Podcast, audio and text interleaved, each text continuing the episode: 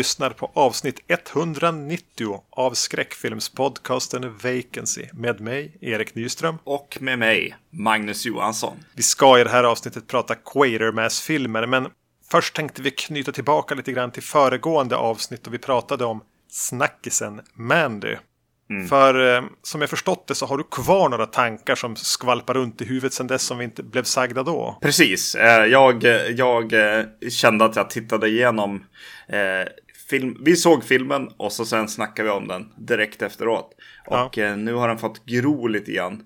Jag vet inte hur mycket spoiler det här är. Det kanske, ja, nej, skit i det. Det kan vara intressant att gå in med filmen. Mer tanken också. Men eh, jag insåg ju för mig själv i alla fall att filmen utspelar sig i Mandys fantasi på något sätt. Antingen drömmar eller fantasi helt enkelt. Att, att det visuella eh, lånar väldigt mycket från hennes konst. Precis, från hennes konst, vad hon är intresserad av. Hårdrocken, eh, det är hon som har en massa Black Sabbath t-shirtar och andra eh, hårdrocksgrejer liksom. Och hon eh, läser en massa litteratur som är lite så här trash, fantasy liksom. Eh, hon refererar också i filmen till skräckfilmer också. Att de bor bredvid Crystal Lake. Mm. Bland annat. Så för mig så var den här lite slutscenen när de verkligen avslöjar att den utspelas i en annan värld. Som inte är värsta grejen egentligen, utan det har vi ju redan förstått genom filmen. Mm, Men mm. Eh, den verkligen poängterar det här känner jag. På något sätt så kan man göra läsningen att den eh, utspelas antingen i hennes eller i Nicolas Cage döende eh, fantasier på något vis när de just innan de dör. Ja, precis. Fast för mig så tänker jag nog att, att det är hennes sätt att se på Nicolas Cage. Liksom. Vad skulle hända om jag, när det här gänget kör förbi henne kanske till, till exempel, så händer mm. någonting med tiden börjar stå still och hon, hon tittar på dem och suger upp liksom någon slags ett litet frö till den här ja, hämndhistorien med sin kara kar till kar liksom. Mm, mm. Skogshuggaren. Ja, precis. Som hon börjar tänka att så här, alltså om jag skulle dö, vad skulle hända då? Ja, han skulle bli förstörd först och främst och sen skulle han bara eh, smida ett, eh, en stor yxa och hämnas på mig. Och på så sätt blir ju den här, som jag kallar det för, lite Stephen Kingiga bilden av en sekt. Ja. Är lite grann en sekt sedd ur en hårdrockares perspektiv. En kristen sekt sedd ur ett metalperspektiv. Då får de vara de klichéerna de är. Precis, exakt. Ja. För det jag tänkte att du, den hade fått ligga och gro lite grann hos dig så blev jag ändå förvånad över hur lite den hängde kvar hos mig. För det är en mm. väldigt expressionistisk film. Den breda penseldrag, färger och intryck. Mm. Som ändå borde hänga kvar, tänker jag, några dagar efteråt. Att jag tänker på bilder, eh, musik, stämningar. Men det gjorde inte det. Mm. Kanske för att man fick genomgå den här exorcismen genom att prata om den i, i podden direkt. Men jag måste ändå säga att den hängde kvar mindre än vad jag trodde den skulle göra. Mm. Eh, och mina minnen nu sen när det har gått än längre tid är ju bara att den, det blir en ganska ordinär hämndhistoria. Eh, när man inte är mitt uppe i allt knäppa bilder. Mm. Eh, och jag menar, ska man ska, ska se en hämndfilm från, från i fjol så säger jag ju hellre om Revenge. Ja, ja, jo, absolut. så är det. Ja, då är ju den andra filmen, alltså för mig är ju ännu mer så, skulle jag säga. Vad heter den? Beyond the, the, Black Rainbow. Ja, ja nej, den, den eh, fastnade nog faktiskt mer. Ja, men det, eh, vi sa ju det. Ja. Du är ju syntare och jag är hårdrockare helt enkelt. Tydligen är det så. yes. jag, jag, är killen som gillar att, att, vara i trans. Då tycker jag att vi tänker, äh, går in på det här avsnittet. Vi har alltså sett och tänkte prata om Quatermass-filmerna. Mm. Eller åtminstone de som eh, Hammer gjorde. Precis. Eh, det är The Quatermass Experience Experiment från 55. Quatermass 2 från 57 och Quatermass and the Pit från 67. Och eh, redan nu när jag har sagt de här titlarna eh, så tycker jag fortfarande att det är svårt att inte säga Quatermass. Men när jag har sett filmerna så har jag insett att det är Quatermass som jag ska ja. säga. Eh, det, hur jag lärde mig eh, till slut, det är att jag tänker på ekvatorn. Equator. Equator mass. Ja, någonstans har jag bara fått, fått det inpränt att man ska säga det så här tönt amerikanskt. Så amerikanskt man bara kan säga det där ordet. Undrar om det är för att eh, John Carpenter skrev under pseudonym va? va? Någon av filmerna eller om han hade någon annan credit där. På, ja vilken var det? They Live ja. Ja, han använde sig av namnet Quatermass i alla fall. Precis, så jag, jag har nog känt, känt namnet, inte från filmerna eftersom jag inte har sett dem här innan. Eh, utan bara no, läst det och tänkt amerikanskt. Vi fick väl idén lite grann till det här när vi såg eh, avsnitt 163 så såg vi The Stone Tape. En brittisk BBC tv-skräck från tidigt 70-tal som vi halvgillar båda två. Mm. Som var skriven av eh, manusförfattaren, sci-fi-författaren Nigel Kneal.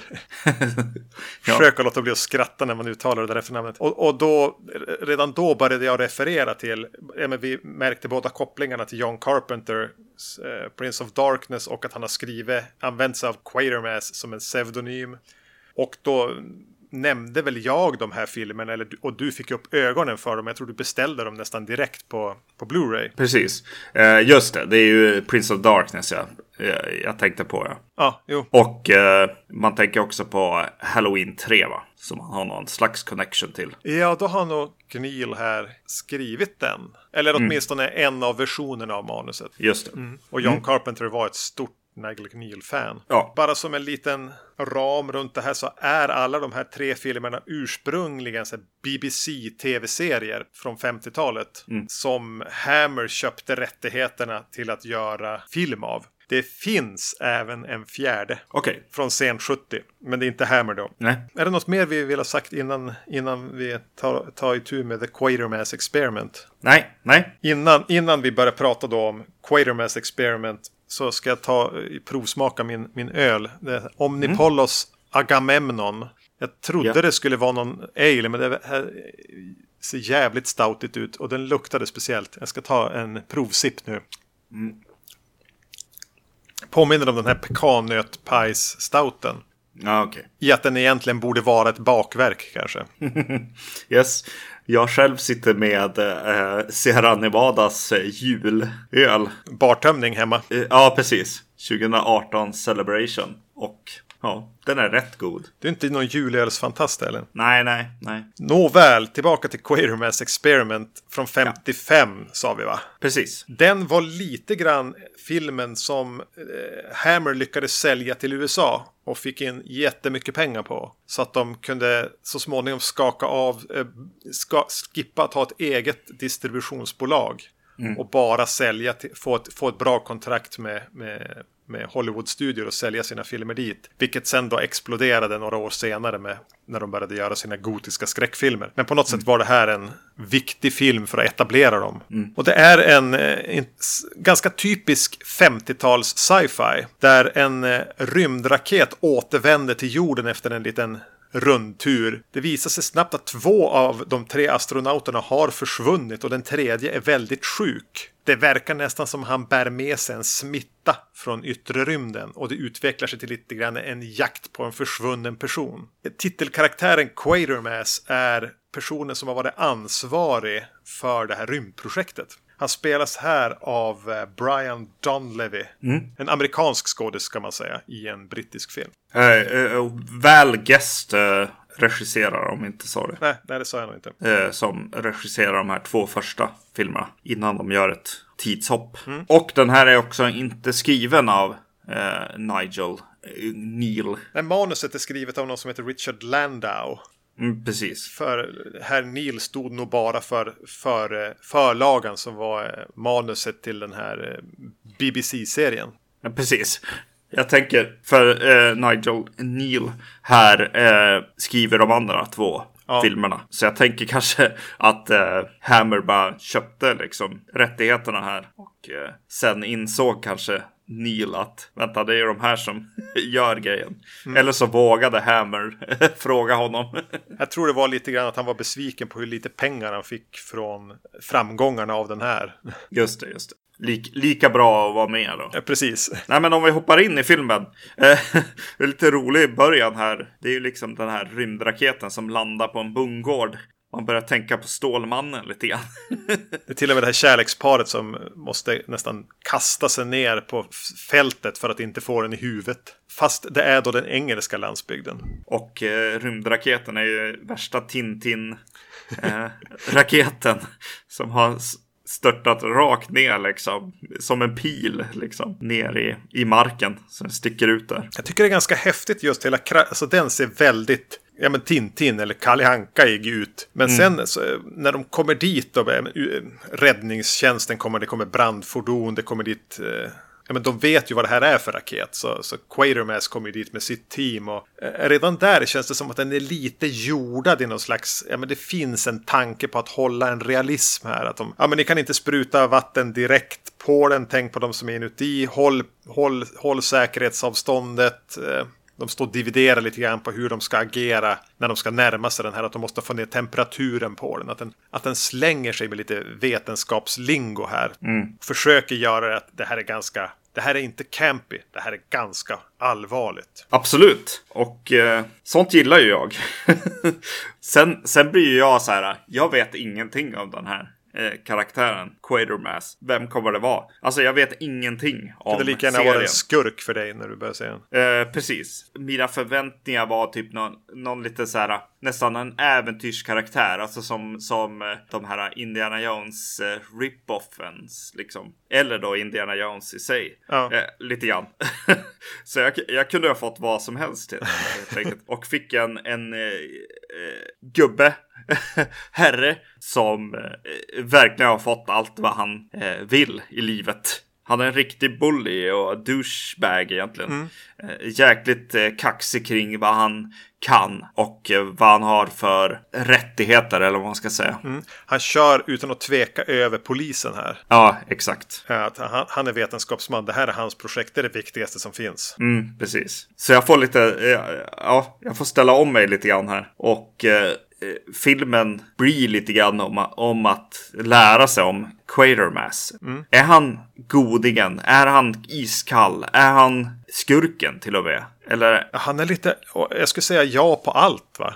Ja, precis. Eh, och, och framförallt så är han inte jätteviktig för handlingen heller. Nej. Så han är både huvudkaraktären, bikaraktär, han är både skurken och hjälten. Han är både ond mm. och god. Lite autistisk kanske, ja. eller? Alltså, åt det hållet. Aldrig i närheten av ett leende. Nej, nej. Eh, och ja, ja, men som du vi sa, han bara kör över polisen. Det, det, när de lyckas få ut den här skadade, sjuke astronauten till slut så har ju han någon fästmö som är orolig för honom på sjukhuset och han ligger så här uppenbarligen i ett jättedåligt skick i en sjukhussäng. Mm. Och Quatermass vill liksom bara avfärda henne. Bara, men, He's coming on fine. Mm, precis. Var inte här och stör med din oro nu. Vi måste kartlägga vad som har hänt under den här rymdfärden. Det är det viktiga. Vetenskap går före ja. allt, helt enkelt. Ja. Men vad tycker du om eh, Brian Donlevy? Jag är osäker på hur man ska uttala det där. Som, som Quatermaster. Jag tycker han funkar bra. Alltså, jag ogillar han när jag ska ogilla han. Och gillar han väl kanske när jag ska det. Om det finns någon tillfälle för det. Nej, han är, han är väl bra. Jag tycker han känns som en alltså så här, Humphrey Bogart-deckare i en noirfilm. Mm, mm. Man är ganska trygg när man är med han. Eh, men, mm. Och man vet att han inte viker ner sig. Men det finns inte så mycket mänsklighet där. Och det är väl det då skillnaden mellan Donlevy och Bogart. Bogart känns mänsklig, Donlevy känns mer bara som en maskin. Mm. mm. Nej men han är ju karismatisk. Ja. Tydligen var Neil ganska missnöjd med han. Han tyckte inte att det var inte det som var hans vision av Quatermass. Och han menade även att det var ett stort problem att Donlevy var så jävla full hela tiden under inspelningarna. men där har Val Guest gått ut och försvarat honom och sagt Jo, han var full, men det var aldrig ett problem. Nej, just det. Val Guest, det är ingen regissör jag har koll på. Jag har sett även den här The Abominable Snowman som han gjorde åt Hammer här innan de blev eh, färgsprakande gotiska Hammer. Mm. Han var tydligen en regissör som var helt ointresserad av science fiction. Han hade gjort något så här, som man tänker sig, ett brittiskt drama från 51. Alltså du får redan mm. någonstans i huvudet ungefär hur den ses och upplevs ganska återhållsamt stramt. Mm. Och det här är ju en stram och ekonomisk regissör. Ja. Jag tycker det är en förtjänst då att han är så ointresserad av science fiction? Eh, absolut, jag tycker att, att det finns något, något speciellt och unikt eh, känsla i den. Mm. Det är den här lite Ja, alltså den är torr och, och teknisk. Alltså den fokuserar på hur, hur torr karaktär och hur, hur science är rätt trist på något sätt. Eller inte så romantiskt helt enkelt. Nej. Det är ingen sentimental film det här. Nej, nej. Eh, och den är, jag tycker den är ganska imponerande, så tajt regisserad. Och det är scenen när Quatermass är på väg till nedslagsplatsen så sitter han och typ fem andra karaktärer i en bil som han lyckas rama in i en enda liksom, bildruta. Och de kan ha hela sin dialog där på, i, i en bilen på väg dit. De bara skaka på kameran lite grann så att det ska se ut så att de kör. Och allting bara kommer fram snyggt och effektivt så har de lagt den grunden för hela filmen där. Mm. Det här är en skärpt jävel. Ja, precis. Jo. Alltså om, jag, om vi går till själva plotten. Den här eh, snubben, eh, överlevaren, de andra är ju, alltså när de tar sig in i raketen så, så är ju resten liksom försvunna eller liksom de har som skrumpnat ihop. Deras dräkter bara ligger och de är borta liksom. Ja. Det är lite spännande och den överlevande eh, när han ska åka iväg i någon ambulans eller vad det är så viskar han någonting till en karaktär där och eh, karaktären sen säger det enda han sa var hjälp mig. Det är lite obehagligt på något sätt ja. eh, och sen då för att komma längre in i filmen så får de till slut fram eh, the black box höll jag på att säga. Men... Ja, filmen från vad som har hänt på rymdskeppet. Exakt. Först tror de att nej, de har förstört hela det här. Och det var ju jäkligt synd att vi inte får veta det. Men sen så kommer någon och bara, vet du vad? Vi har ju, vi har fått ut den här nu. och så vill, vill, är det Quaterbass som vill ha den så jäkla fin som, som möjligt. Du måste ha den bästa framkallaren liksom ja. på, på stället. Och den, den scenen när det är någon som är och plockar, eh, hämtar filmen Ja, så är det ju verk verkligen den mest liksom noggranna. Och... Han vill inte riktigt släppa ifrån sig det här för han är inte riktigt nöjd med för det, tydligen är råmaterialet ganska skadat och han bara alltså det här, alltså jag vet inte om jag vill släppa det här, alltså det, det gick inte att få fram så bra som jag vet att jag kan och nu blev det ju bråttom allting, verkligen den här. Ja, det är rätt grynigt och jobbigt liksom. det är en rolig scen alltså. Ja, och väldigt straight. Ja, precis, exakt. Och när de väl börjar titta då på filmen och vad som har hänt och så här. Då börjar jag hoppa tillbaks till det här att han viskar hjälp mig. Uh. Och eh, att vi ser på den här filmen vad som har hänt på rymdskeppet. Och då tänker jag på Event Horizon. Uh. Att så här, vänta nu, Liberate med uh. och allt det där. Att så här bara, vänta nu. har inte jag sett det här förr höll jag på att säga. Nu har jag ju inte det, men eh, det känns som en historia som, som skulle, alltså undermedvetet om inte annat, ha lutat sig lite på den här filmen. Jag tänkte inte på det, men nu när du säger det, ja. För, för det här är ju 55 års version av Event Horizons alla så här blixtrande bilder och, och vad hände med de här crewen. Och det är, det jag tycker den är rätt läskig den där filmen. Ja. Den har... Ja, men den vet hur den ska hantera det. Överlag så börjar jag tänka att, vad det, här i alla fall också, att det, det är en ganska pratig film. Och ja. ibland så väljer den att, att göra en liten punch på skräcknivå liksom. Med den här filmen till exempel. Mm. Det är ganska schysst hur de, hur de balanserar skräckelementen. Eller presenterar dem. Det är lite så här David Lynch när han är som mest skrämmande så pratar han eller presenterar han vad som kommer att vara det läskiga. Och så sen händer det. Mm. Det blir nästan där. Det läskiga ligger i dialogen eller liksom minnen som vi inte får se eller tankar som vi inte får se riktigt. riktigt. Det, nu pratar jag kanske allmänt om serien, tänker jag. Men ja, jag förstår. Det börjar lite här. Mm. För som du säger, det är en ganska pratig film. Det är rätt många scener med medelålders gubbar som, som är oroliga. De har ju tillgång till duktiga skådisar, det har de. Men eh, det blir lite pratigt ibland. Men så kommer de här scenerna, som, som den här, det vi får se från skeppet. Mm. Kommer en scen jag vet inte riktigt vilken som kommer före eller vilken som kommer efter. Men det är en scen med, eh, dels en scen med en apotekare. Han rymmer från sjukhuset så småningom, den här sjuka astronauten. Och någonting håller ju på att hända med han. Mm. Och så tvingar han sig in på ett stängt apotek. och eh, beter sig märkligt. Den scenen är också snyggt konstruerad. Hur han först tränger sig in som en inkräktare och apotekaren försöker köra ut den. Men sen bara, åh herregud, du har ju ont. Hur är det?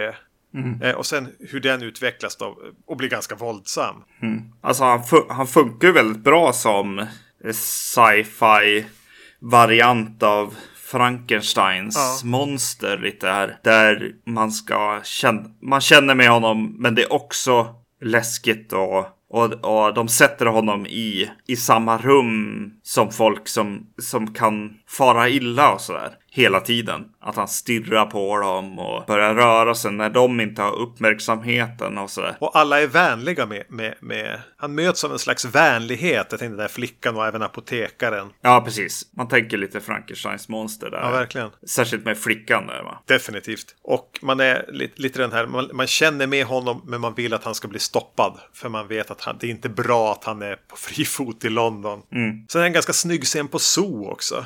Ja, just det. Ja. Alltså, de jobbar sig igenom hela zooet, följer saker som händer där och så småningom hittar honom i en buske typ, kameran. Mm. Eh, också en så, lite Hitchcockigt uppbyggd scen. Mm. Ja. Nej men jag gillar nog. Alltså jag gillar mycket det här torr, torrheten, lite flörten med Frankensteins monster. Eh, han är ju förmodligen bäst i filmen va? På ett sätt. Astronauten här. Ja precis. Eller i alla fall kanske mest minnesvärd. Ja, det är det man minns. Mm, mm. Ja, och det är lite obehagligt vad som händer med offren också. Ja. Något som jag tror det svartvita fotot hjälper. Mm. Den bygger upp mot en, en, final i Westminster Abbey. Och av någon anledning så är de där och sänder från tv. Ja. Eh, nu minns inte jag uppfattningen varför de är där och har den här sändningen. Är det för att de vet att det ska hända någonting där? Eller är det någon annan typ av sändning som det här råkar hamna i? Eh, det ham hamnar som i någon annan sändning tror jag. Ja, för de lägger liksom ut bilden. Ja, oh, ah, nu går vi över till Westminster Abbey. Och så går de live in. Ut i etern så är det typ två personer som står böjda över en kropp som ligger ner på golvet som de just vänder så här, över på rygg för att kunna se vem det är. Så mm. tillbaka till så bara, ja det där blev ju inte så bra, vi, vi bryter där. Alltså det är någonting med den där tv-bilden, man kan nästan tänka sig hur man satt och såg tv och så något sömnigt reportage från Westminster Abbey och helt plötsligt så bara en död kropp och några som vänder på den. Mm. Jag började tänka på det här Orson Welles War of the Worlds-grejen. Att, ja, att, att, den här filmen känns ganska dokumentär på mycket, mångt och mycket. Och den här att det där hade ju kunnat vara ett sätt att lura folk. Och så den här dokumentära känslan att bara oj vad är det som har hänt i Westminster Abbey. Det skulle kunna skapa panik. Eh, jag fick lite den där obehagsvibben. Bara, tänk om man satt och såg tv och så går man över till, ja men nu ska vi över till Peter Gide i studion. Och så istället för det så är det typ någon sjukvårdare som vänder på en död kropp och det är någonting som inte alls stämmer. Ja, men precis. Just det, men de använder ju eh, mediet liksom på det sättet att göra det på riktigt. Alltså det blir mer verkligt om man tittar på det på en skärm än att filmen skulle börja med den här saken som händer i raketen. Ja. Utan så här, bygg upp, bygg upp, visa sen liksom. Och så sen göra det via att karaktärerna tittar på det övernaturliga eller det liksom fruktansvärda. Ja, det är, ja, det är ganska smart så här. Och även så får man ju en realism i det. Det blir så här 50-tals sci-fi med lite så här socialrealistiska inslag på något sätt. Ja, och, och den här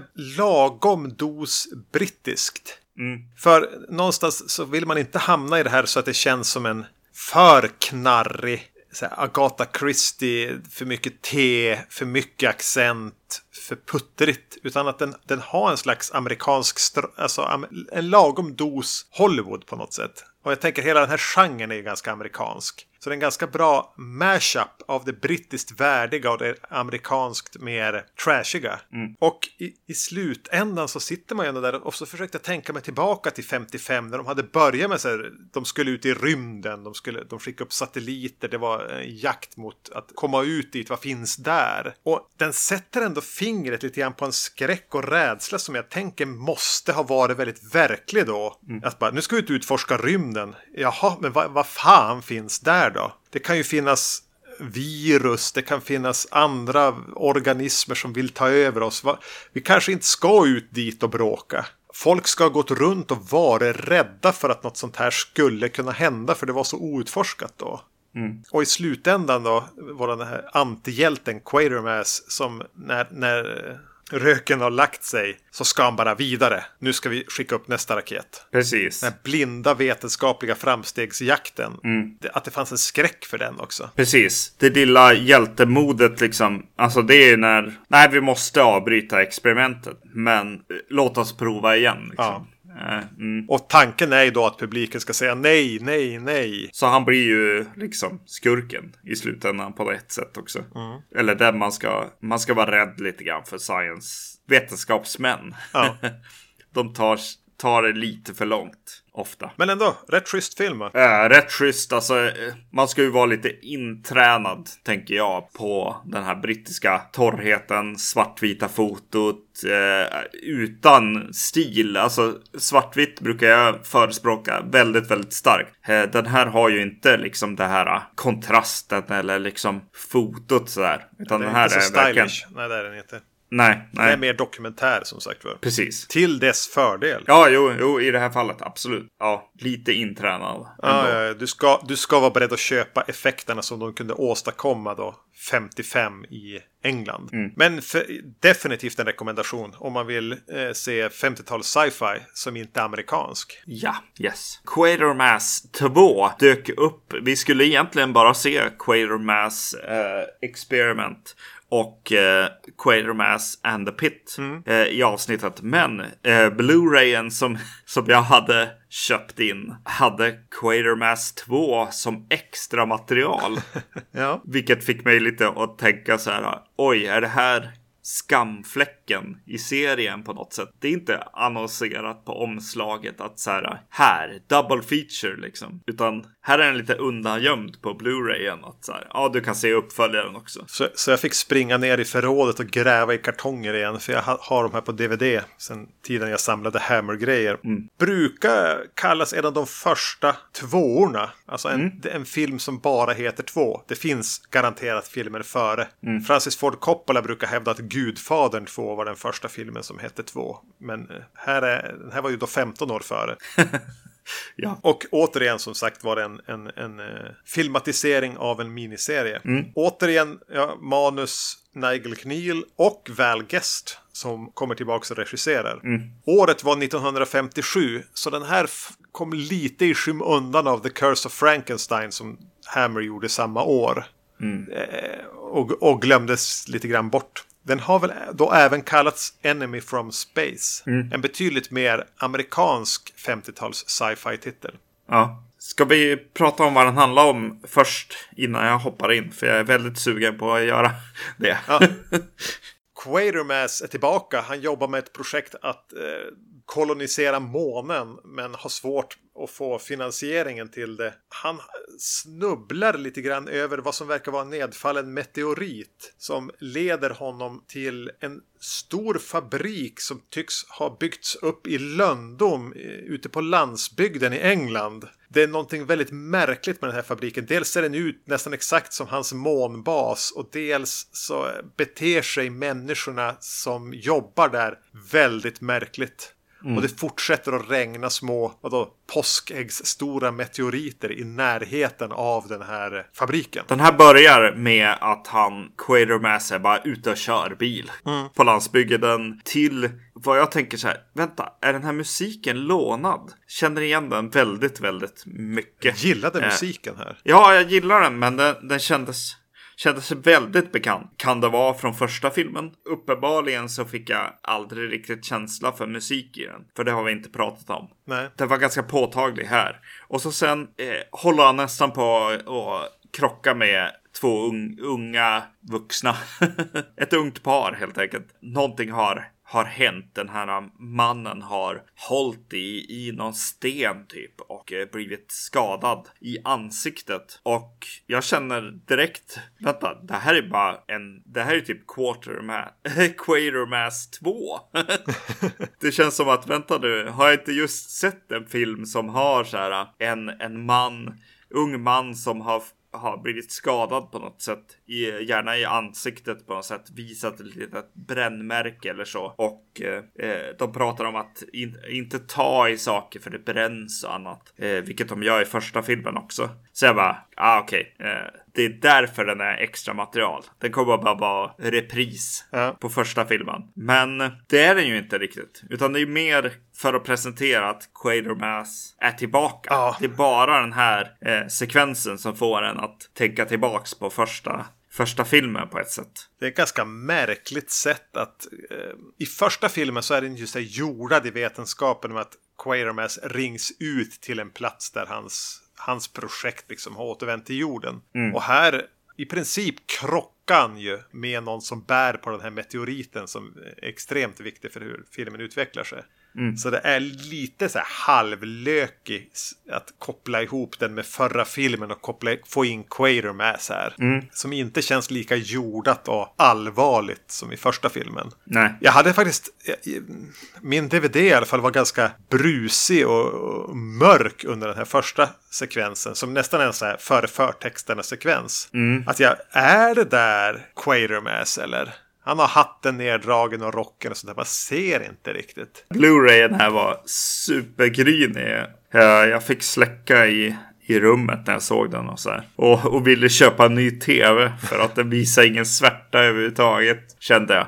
Den är nog lite eh, risig helt enkelt den här filmen. Ja, vissa sekvenser är väldigt risiga. Väldigt gryniga. Mm. Ja, men precis. Och sen kommer de ju in i, i, hans värld på något sätt. Alltså nu när du sa det så känns det som att det är lite mer serietidning. Han, hans nya, nya tanke att han ska göra är att bygga en koloni på månen. Mm. Eh, och han har byggt upp en, en månbas i miniatyr. Och så sen kommer då the government eller de som har bidragen och säger nej, vi lägger ner det här. Det är alldeles för mycket pengar. Ja, precis. Men han är en surmulen gubbe som efter att ha träffat på de här och fått stenarna så far han som till sitt lilla labb eller sin station. Mm. Och blänger surt på att han ser att de har ställt in eh, parabolen på ett annat sätt och skäller ut sina två medarbetare. För det de har gjort är att de har börja plocka upp vad som verkar vara det här meteoriterna som faller ner och börja undersöka det lite grann. Bara, nej, ni ska inte göra det där, ni ska göra det. Ja, b, b, b, b, Ja, men okej, okay, det här är ju lite den Quatermass vi känner igen. Mm. Så här, fokuserad på en sak, bryr sig inte så mycket om någon annan. Nej. Dedikerad är väl en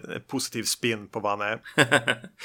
Men, men, men, ganska snabbt så stannar han som upp och presenterar här att han får, har inte fått sin funding. Han ber till och med om ursäkt. Bara, jag skulle inte ha tagit ut det över er. Eh, och sen blir han ju då liksom i, hjälten i en tv-serie. Precis. Mer. Alltså, här, här, klä, här kliver han ju i mer en hjälteroll. En deckarhjälten. Mm. Eh, vad hette den där serien där, där eh, Bruce Willis, vad hette den? Par hjärter. Alltså han skulle, alltså ja, den, den karaktären blir, blir han en vag, vag eh, vetenskaplig bas. Nu, nu måste jag pausa här och berätta om, om att jag på mitt jobb började eh, utveckla tv-spel. Med rätt ung, unga människor.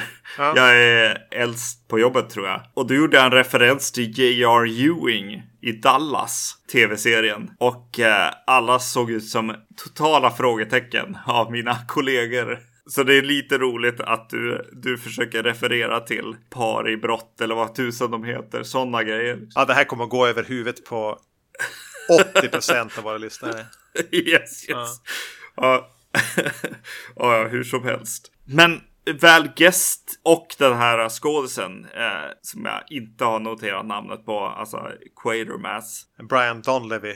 Ja, precis. Alltså de har, de har en ganska kul syn på en hjälte eller en antihjälte på något sätt. För han gör ju saker i filmen ändå liksom. Han lämnar väldigt mycket döende människor bland annat. Ja.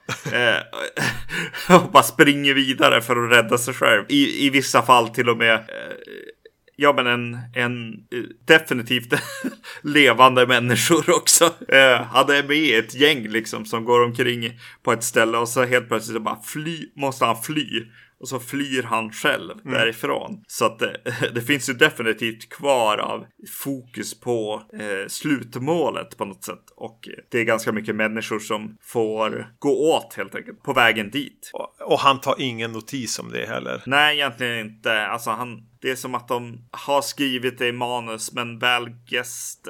Han vill inte riktigt. Nej, men var lite, lite cynisk mer, tänker jag. Det kanske är därför Nigel Neil här inte, inte är helt nöjd med karaktären. För han bara, åh nej, eh, min kompis, du har fått någonting i ansiktet. Och sen blir han ganska cynisk. Eller mm, liksom, mm. det är inte så himla viktigt för honom ändå från regihåll, I guess. Och här blir det väl, är ju fokus lite mer på att det ska vara en framåtrörelse. Alltså det här är ju mer action. Ja, Eh, precis, här rör det på sig. Definitivt. Något jag faktiskt gillade. Mm. Alltså en film som är 1.15 eller vad den är. Eh, ganska kort film som ändå hinner med så himla mycket liksom. Ja men den hinner liksom rusa in i sekvenser som man tänker bara oj är vi redan här? Det här känns ganska tillspetsat och så rusa vidare därifrån. Stanna upp och andas och presentera liksom sekvenser där han ska prata med, med personer i makt ställningar och sånt. Och så rusar vi, helt plötsligt är de i en ny sån sekvens. Och så tillbaka från den och försöka övertyga någon om någonting i, i så här brittiska gamla hus med Shakespeare-skådisar som är, som är mm. skeptiska. Mm. Alltså den hinner med många turer fram och tillbaka där på väldigt kort tid. Så den har ju ett jävla driv. Ja, av de här filmerna är definitivt den som har eh, absolut mest snappy liksom. Ja, men gå till nästa. Och, och jag tycker den faktiskt lyckas vara lite spännande på det sättet. För jag vet inte riktigt var den ska ta vägen. Mm. Quatermans Experiment, den visste jag att jag hade sett för den här är jag osäker på om jag faktiskt någonsin har tagit mig till att se. Jag hade ingen aning om vart det skulle leda. Att det skulle dyka upp en fabrik, att det skulle vara meteoriter och ärr i ansiktet på folk som pod people bitar och den är, det, det är lite berg och dalbana det här. På ett skönt sätt. Ja, jag, jag gillar det. Eh, det är kul med, alltså den går ju så snabbt att, eh, eller jag kanske, inte hinner med i vändningarna. Så här, ja, jag vill bygga en koloni på månen. Eh, jag blir av med min kontrakt. Och så åker jag in i något så här avspärrat militärområde där förmodligen de här grejerna har slagit ner. Och så helt plötsligt så står en helt så här uppbyggd variant av den här kolonin som jag funderar på att göra. Där framför mig. det är en ganska stor sak som har hänt. mm.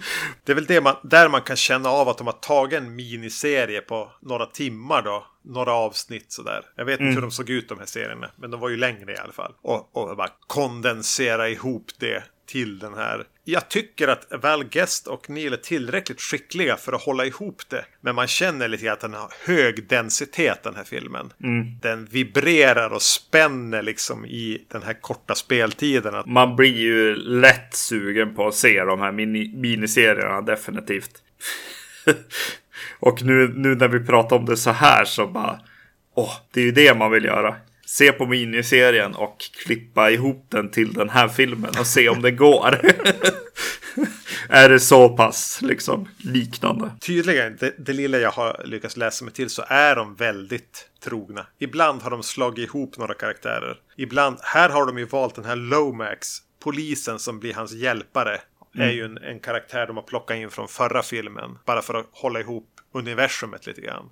Som ja. inte är med i miniserien. Och sånt. Men, men i stora, alltså i oväntat stora drag så är det exakt samma historia. Mm.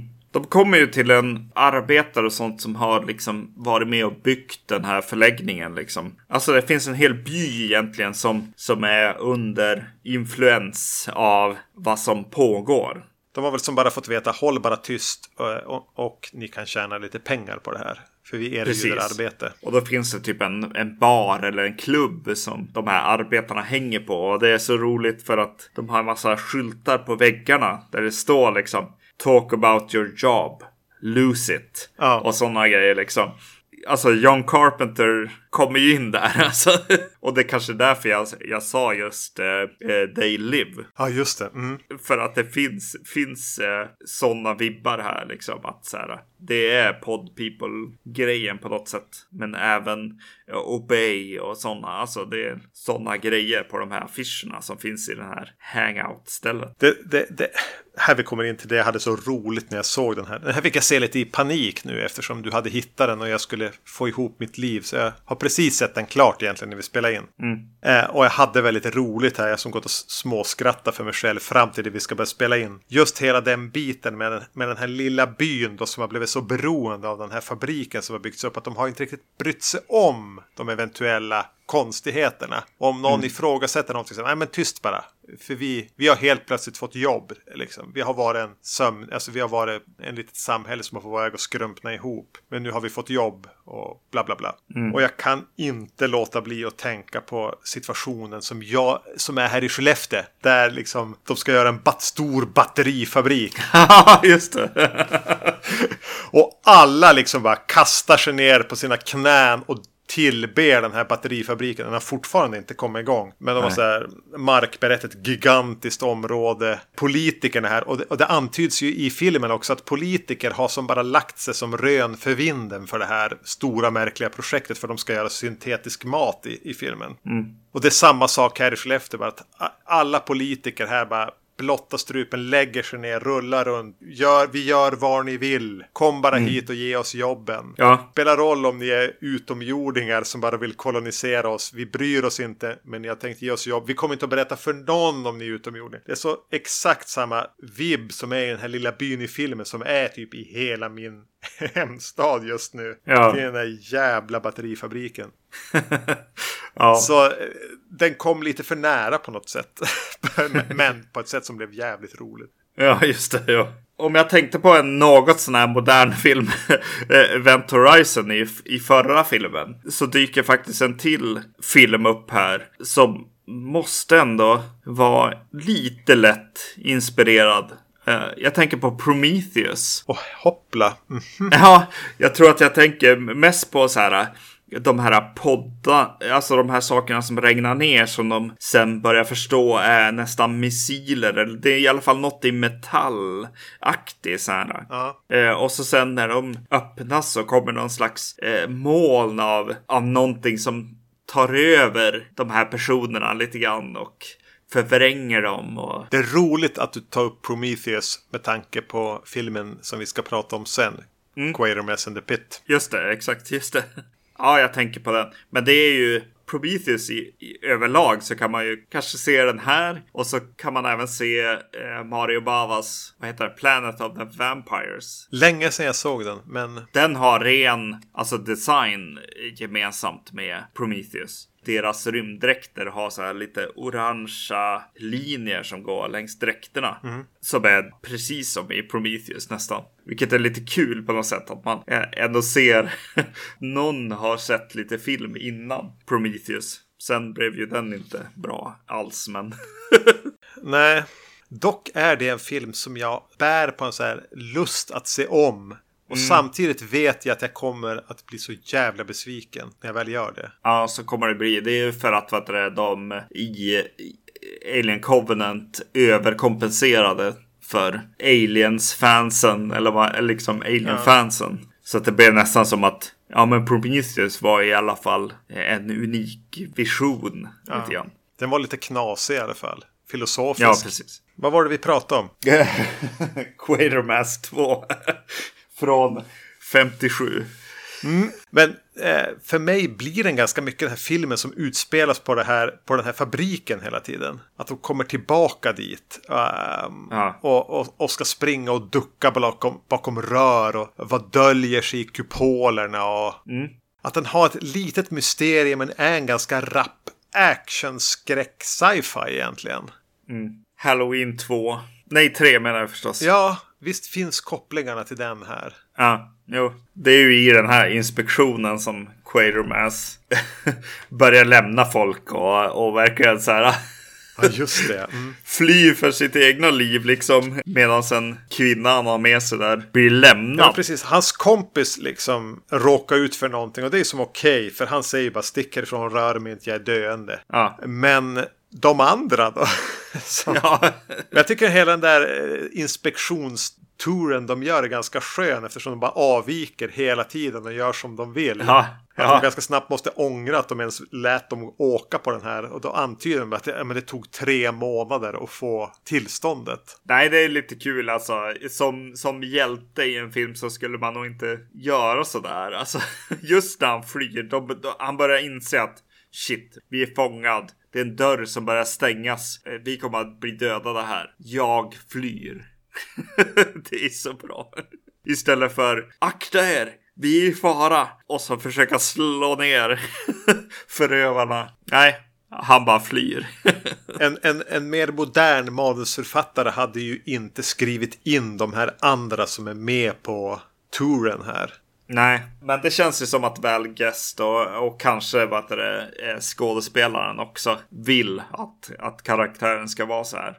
Eh, varför jag säger så är ju för att nästa film har en annan eh, regissör mm. och en annan Quatermass också. Jag vill tro, för nu tänker jag att jag har ganska eh, höga tankar om Nigel Kneal och jag vill någonstans läsa in att den här filmen är politisk. Men jag får inte riktigt fatt i det. Jag kan lite för lite om det politiska klimatet i England på 50-talet kanske. Men att den här vill säga någonting som är politiskt. Mm. I bakgrunden. Eh, jag tänker att det är förmodligen tydligare i miniserien. Eh, när filmen här mer har blivit den här tight kondenserade rappa action sci-fi skräcken. Så äh, finns det någon slags om en misstro mot myndigheter kanske eller ett styre som är lättledda eller ja, jag får inte riktigt tag i det men det finns någonting där, tror jag. Definitivt. Det måste man ändå säga. Ja, batterifabriken. Ja, batterifabriken. Ja. och, och, och, och aningslösa sossestyret i Skellefteå. Ja, men precis. Exakt. Det är väl någonting med kanske kapitalismen. Att, att oj, vi får pengar härifrån. Det finns någon, någon tro på Ja, som köper sig tro liksom på ja, För de här behöver verkligen den, den tron. Ja. I både Quatermass Experiment och Quatermass 2 är även det roliga fyllot med. Eh, det här känns som en relik från 30-talet. Jag tror vi har ja, nämnt det när vi har pratat om äldre filmer också. Att mm. någonstans, jag vet inte när det slutade vara roligt att ha med en alkis i filmer. Som ska vara full hela tiden och, och hicka typ och sluddra. Mm. Quatermass Experiment är en kort kvinna som ger ett vittnesmål om att ha sett den här personen som är på flykt. Det som är ja. roligt med det är att hon, att hon använder ordet Gin Goblin. Ja. So it wasn't a Gin Goblin then? eh, och här, här är det ju en journalist som, är, som nyktrar till under filmen. Men ändå är den som ska vara... Det, det är lite roligt att han är full. Och är full ja, vid olämpliga tillfällen. Mm. Datera filmerna lite grann. Så här med, med, med, våra ögon på den så blir det på ett onödigt sätt. Ja, Men vad skulle de göra? De fan, de visste inte bättre. Ja, den här filmen. Alltså just att den är den mest fartfyllda av dem gör ju någonting med den. Eh, det är inte så att jag kände att så här, det var ett extra material. Eh, utan den här, den här kan man ju absolut se. Eh, ja, som en tvåa. Den trevande tvåan. Nej, jag gillar det i slutändan. Jag gillar de här lite James Bondiga liksom miljöerna och sånt också. Att det springer runt någon gubbe där och alltså äldre man i huvudrollen, vilket ju inte direkt händer nu. Eller jo, det gör det ju. Alltså Mission Impossible har ju en lika gammal man i huvudrollen, men den eh, hymlar med det. Ja. Det gör inte den här fil filmserie. Han duckar lite slött för fem män som skjuter mot honom med kulsprutor på det här ja. Roger Mooriga sättet. Och så tycker jag att båda de här, något vi inte har nämnt, tycker jag ändå att eh, det dyker upp lite monster i dem. Ja. Och det är någonting med effekterna som ändå så här, det är kanske är därför jag sa att man måste ha indoktrineras lite grann liksom. Men det är något som är ganska häftigt med dem. Ja, det är ju inte så här guy in a suit grejen. Utan det är ju närmare the blob om vi ska säga så. Ja, precis. Jo. Ja, jag gillar effekterna i båda utifrån när den kom, I guess. Ja, jo, jo du men... behöver de glasögonen, definitivt. Ja, jo, jo. Mm. Är du beredd att göra ett litet, litet språng tio år då? Eh, just det. Hm. Vilka gör så här nu för tiden? Finns, finns det här ens en gång? Att att bara, ja typ Superman Returns eller någonting. Ja. Det är intressant att ha, att bara, ja men vi, vi provar igen. Ja. Vi kör. Quatermass and the Pit från 1967. Hammer köpte tydligen de här rättigheterna efter att den tredje BBC-serien hade producerats senare delen av 50 efter Quatermass 2 eh, filmen hade kommit. Men då, det tog tid och det var segdragna förhandlingar och Hammer var inte så jätteintresserade tydligen eftersom de hovade ju in sina pengar på Dracula och Frankenstein nu. Mm. Men de köpte rättigheterna tidigt 60 men hade ju så fullt upp med annat, andra franchises. Att det dröjde till 67 innan de drog igång och då, då var Val Guest eh, inte längre aktuell utan Roy Ward Baker tog över. Snabbskanning så har vi i alla fall pratat om The Vampire Lovers när vi gjorde våran eh, Hammer Odyssey här för något, något år sedan. Har han regisserat. Mm. Men han har även gjort The Vault of Horror och Asylum episodskräckfilmer från tidigt 70-tal. Precis. Uh, The Vault of Horror ligger väl på sån här sl slut, slutet på året. Filmer som säkert kommer dyka upp något år. Förr eller senare. Han har gjort en Monster Club också. Var min skanning sådär. Ja. Av titlar man känner igen i alla fall. Han har gjort den här Titanic-filmen, A Night to Remember också. Från 50-talet. Mm. Och här, nu, nu är det så här färgfoto och välsnickrade kulisser och, och Hammer Horror när de är i sitt esse. Ja. Men vad händer här då? Jo, de ska dra om en tunnelbana i London. Eller bygga ut eller någonting. Tänk så här det de ska göra i Slussen nu i Stockholm. Ja. Och hitta någonting. Först börjar de hitta konstiga skelettdelar och sen hittar de även någonting som verkar vara en slags farkost. Mm. Pausa bygget och ringer dit eh, ja, men dels en eh, typ arkeolog och dels eh, professor Quatermass. Och militären också för att de misstänker att det är en bomb i början. Mm. Det finns en ton av andra världskriget här också. Stark ton som hänger igenom den här. Just det. Ja, fan alltså det är coolt alltså om man ser de här i rad så blir ju förtexterna här jävligt coola på något sätt. ja. Helt plötsligt är det färg och så är det så här en dödskalle i helt rött och eh, ja, det är bara coolt helt enkelt. det märks att de har eh, har några Dracula och Frankenstein-filmer i ryggen här. Yes, de vill säga det här är Hammer Horror. Även om de kommer att göra en Quatermass-film ja. i slutändan. Pröva lite, vad, vad kan vi göra mer? Vad kan vi göra mm. med det här? Vi har ju den här franchisen. Franchisen också. Och det är något ganska trevligt med hela det här gräver i tunnelbanesystemet eh, premissen och hitta saker. Som är rätt tilltalande. Väldigt skulle jag säga. Ja, äh, precis. Här kommer vi till varför vi ser den här äh, serien på ett sätt. Äh, The Stone Tapes. Ja. Vilket är så här. Det är rum, konstigt rum i det här slottet som det händer någonting i. Det cirkulerar kring det här. Och likt i den filmen så har de gjort den här platsen eh, nere i tunnelbanans slut på något sätt, slut på linjen det finns en station men den avtar i scenografin på något sätt och blir en grotta in i någon slags eh, gotisk känsla lite grann. Det är som sten och lera. Och sen går vi ännu ett steg då och börjar hitta en, något metalliskt bakom den här sten och leran. Eh, någonting som inte är av vår tid eller mer framtids sci-fi elementet. Så vi går liksom från nutid in till någon slags halvgotisk eh, liksom eh, medeltidsmiljö nästan. Det är massa mycket trä som de går på och sånt där. Mm, mm. Och så sen in i vad som känns som framtiden med polerat borstat stål höll jag på att säga. Ja, ja men en väldigt futuristisk farkost. Och däremellan så har vi även de här fossilerna från någon slags Cro-Magnon-människa eller vad det nu är. Yes. Som, som finns lite kring den här farkosten. Så ett ganska kittlande mysterium och presentation av det. Mm. Och så kommer militären in och vill mörklägga det här. Det, det är så mycket idéer i det här. Cro-Magnon-människa, vad gör de här?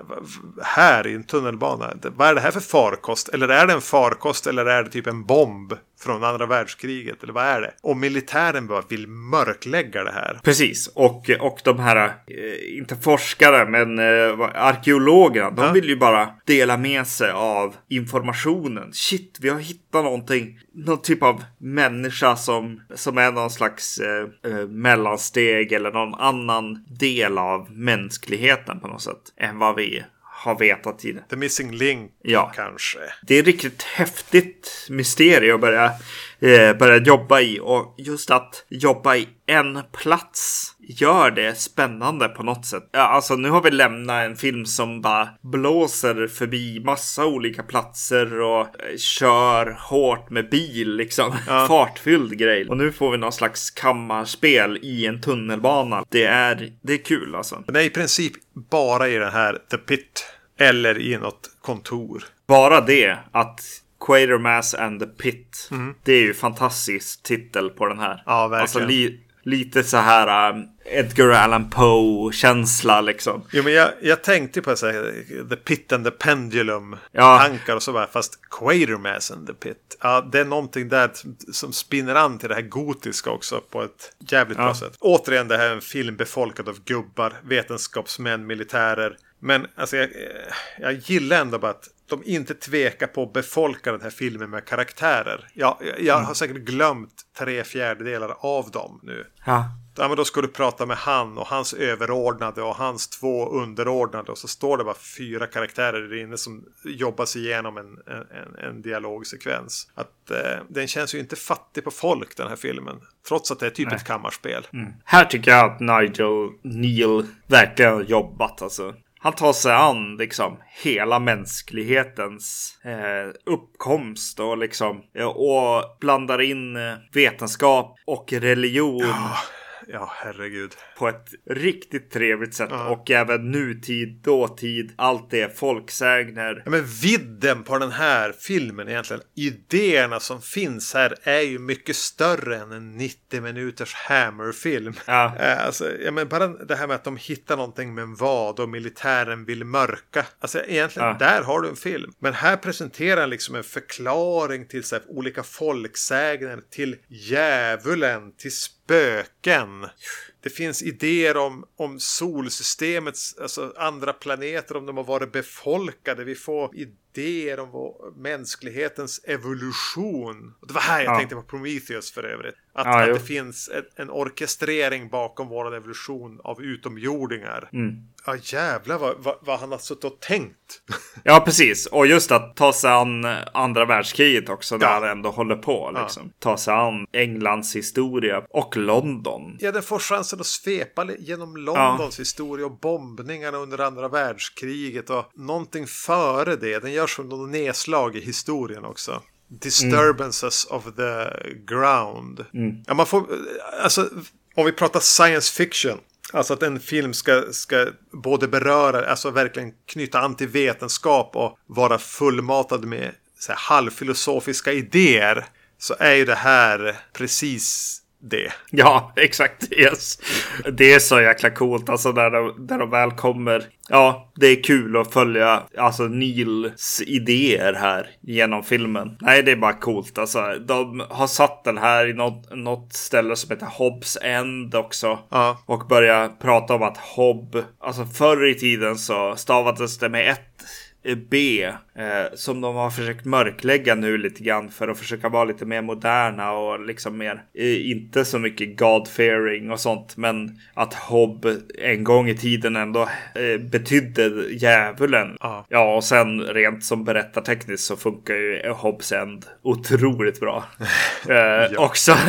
Och, och, och ganska tidigt i filmen också så är det en karaktär som är någon bikaraktär till och med tror jag det är, Som är inne och försöker så här, bara krypa runt i det här. Den del de kommer in i i det här rymdskeppet. Och får panik och bara rusa ut och säga bara jag såg någonting. ja, Det var som någon som bara gick genom väggen. Och de är där och luktar på bara, men är spöken och sånt. Ah, Precis, och det kommer tillbaka och verkligen bara... Alltså han, han tar sig tid att förklara vad en pol poltergeist är i filmen. ja. Och det här känns aldrig stressat heller. Nej, alla underliga saker som vi upplever och inte kan förklara. Det finns här förklarat på ett sätt som är rätt nytt ändå.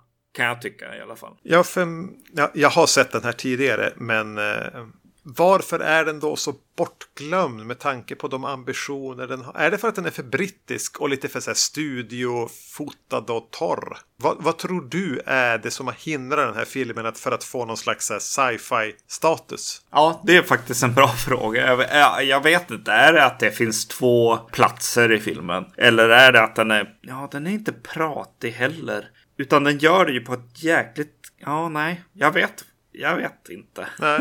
Nej, för att eh, den har ju det här jättesköna med att, att folk pratar, ser nervösa ut, har varit med om någonting. Det är obehaget i filmen. Jag såg någonting. Lite grann Ja, nej jag vet inte. Det, är en jätte, jättedålig liknelse. Men, men i det okända mm. så händer det Så tittar de ner i halsen på, på en karaktär. Och eh, någon säger usch jag såg någonting. Något rörde sig. Men vi fick inte riktigt se det. Nej, nej, nej. Mm. Det är det som, det som är skräckelementen här lite grann. Ja, under de första typ 70 minuterna i alla fall. Ja, och att, att historia i sig blir lite läskigt att någon bara berättar. Ja, ja men hela den här biten med Hobbs End och... Ja, precis. Och de går omkring i något ställe där det har spökat. Ja, de hinner med lite Haunted House-grejen, att gå runt i ett spökhus här. Och det är inte så att det spökar i det. Nej. Utan... De pratar om att folk har upplevt saker där. Och jag blir orolig. Ja. Nästan lite av det här igen. David Lynch, alltså. Oj, om de pratar om det så kan det hända nu. Grejen lite grann. Återigen tänker jag lite grann det här att om vi tänker på två tidigare att Val Guest var lite ointresserad av just genren han gjorde. Så kanske mm. välsignelsen här är att Roy Ward Baker inte riktigt visste hur läskigt vissa av beståndsdelarna han hanterade här var. Mm. Vilket gör att han underspelar dem så mycket att de håller med tid och blir än mer obehagliga. Att det är lite ja. tur. Det är ju också skönare att se på en lite mindre douchey Quatermass ja, också. Vi måste egentligen prata om Andrew Keir som spelar Quatermass här. Ja. För jag gillar den här Quatermass bättre. Han känns Nej, äldre. Eh, han känns mer som en vetenskapsman. Mm. Och han har en mer empatisk sida eh, än den där kallhamrade privatdeckarvetenskapsmannen som Brian Donlevy erbjöd. Men alltså jag fick lite, det blev lite jobbigt med Andrew Keir. Hur gammal var han när han gjorde den här? Hur mycket fyllde han under inspelningarna? Ja, just det. Typ 40, eh, I guess. Ja, 41, men ändå. Och jag tänkte bara, åh, här har de en riktigt gammal man. Fucking hell. Ja. ja.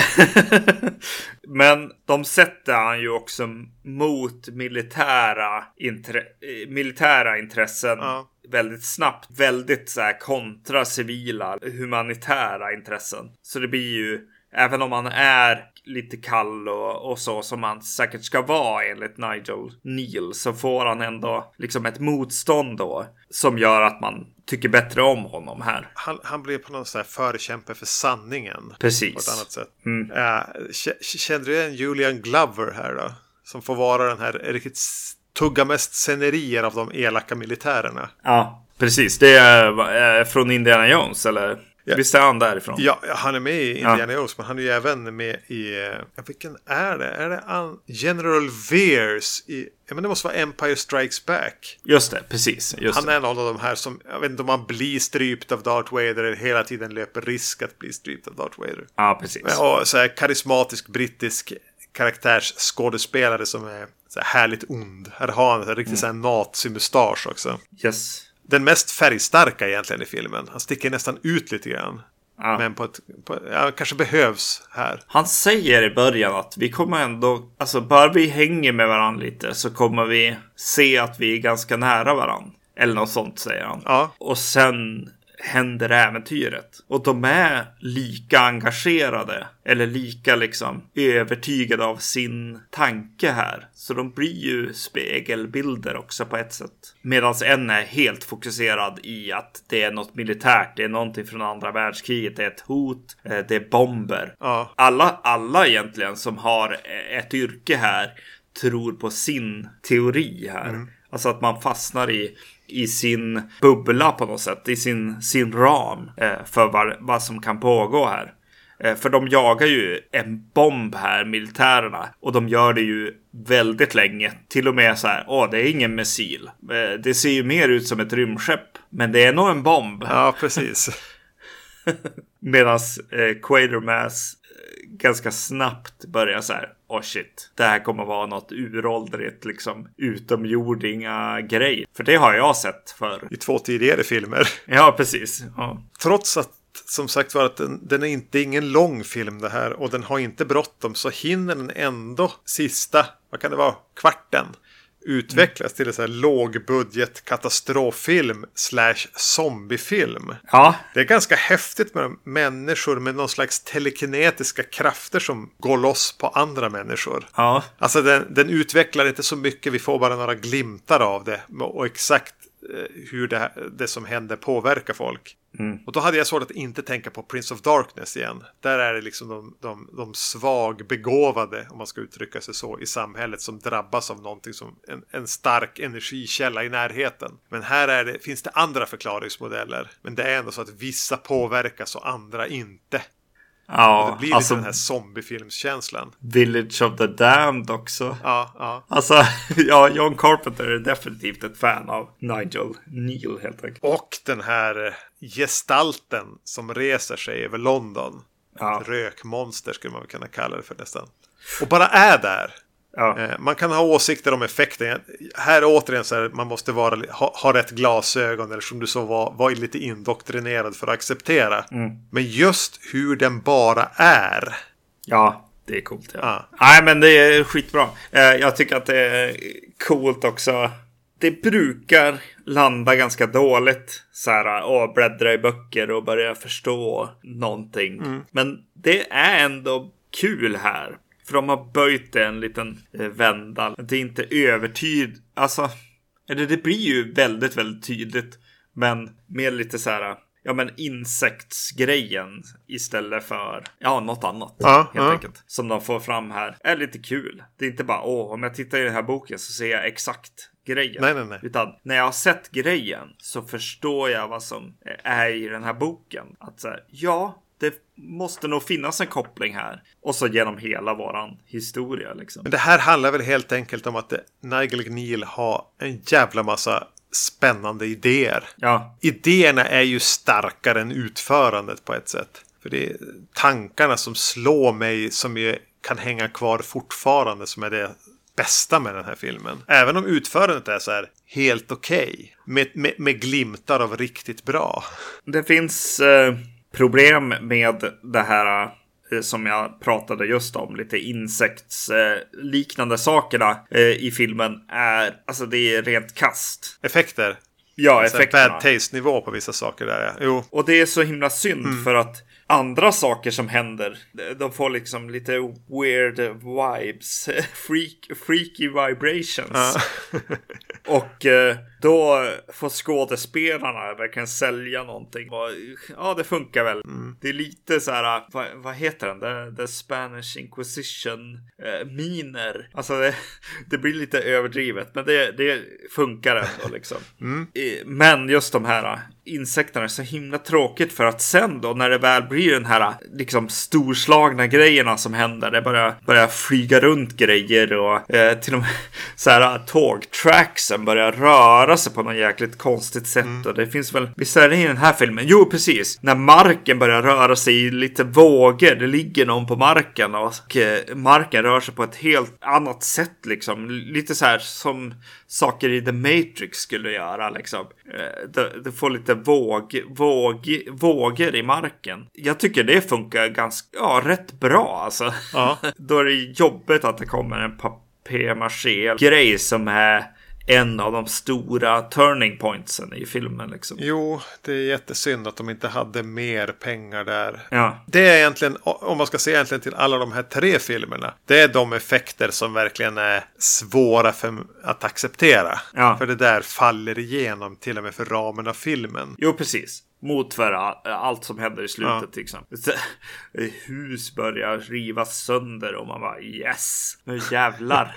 Eh, när vi har varit i två rum. Ett labb och eh, här nere i the Mm. pit. Ja, ja, just det. Ja, man hör ju. Den här är rätt mm, bra. Alltså. Vi, vi, så försiktigt entusiastiska.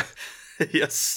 Om man tänker på tv-serier så här. Den här vill man ju djupdyka i. Jag skulle vilja se liksom HBO-serien eh, True Detective, liksom tio avsnitt av av den här. Liksom. The Pit. Ja, det, det uh. finns ju definitivt mer saker om man lyckas trycka in så här mycket på 90 minuter utan att det känns för kompakt. Och att man blir för mm. misshandlad av alla idéer.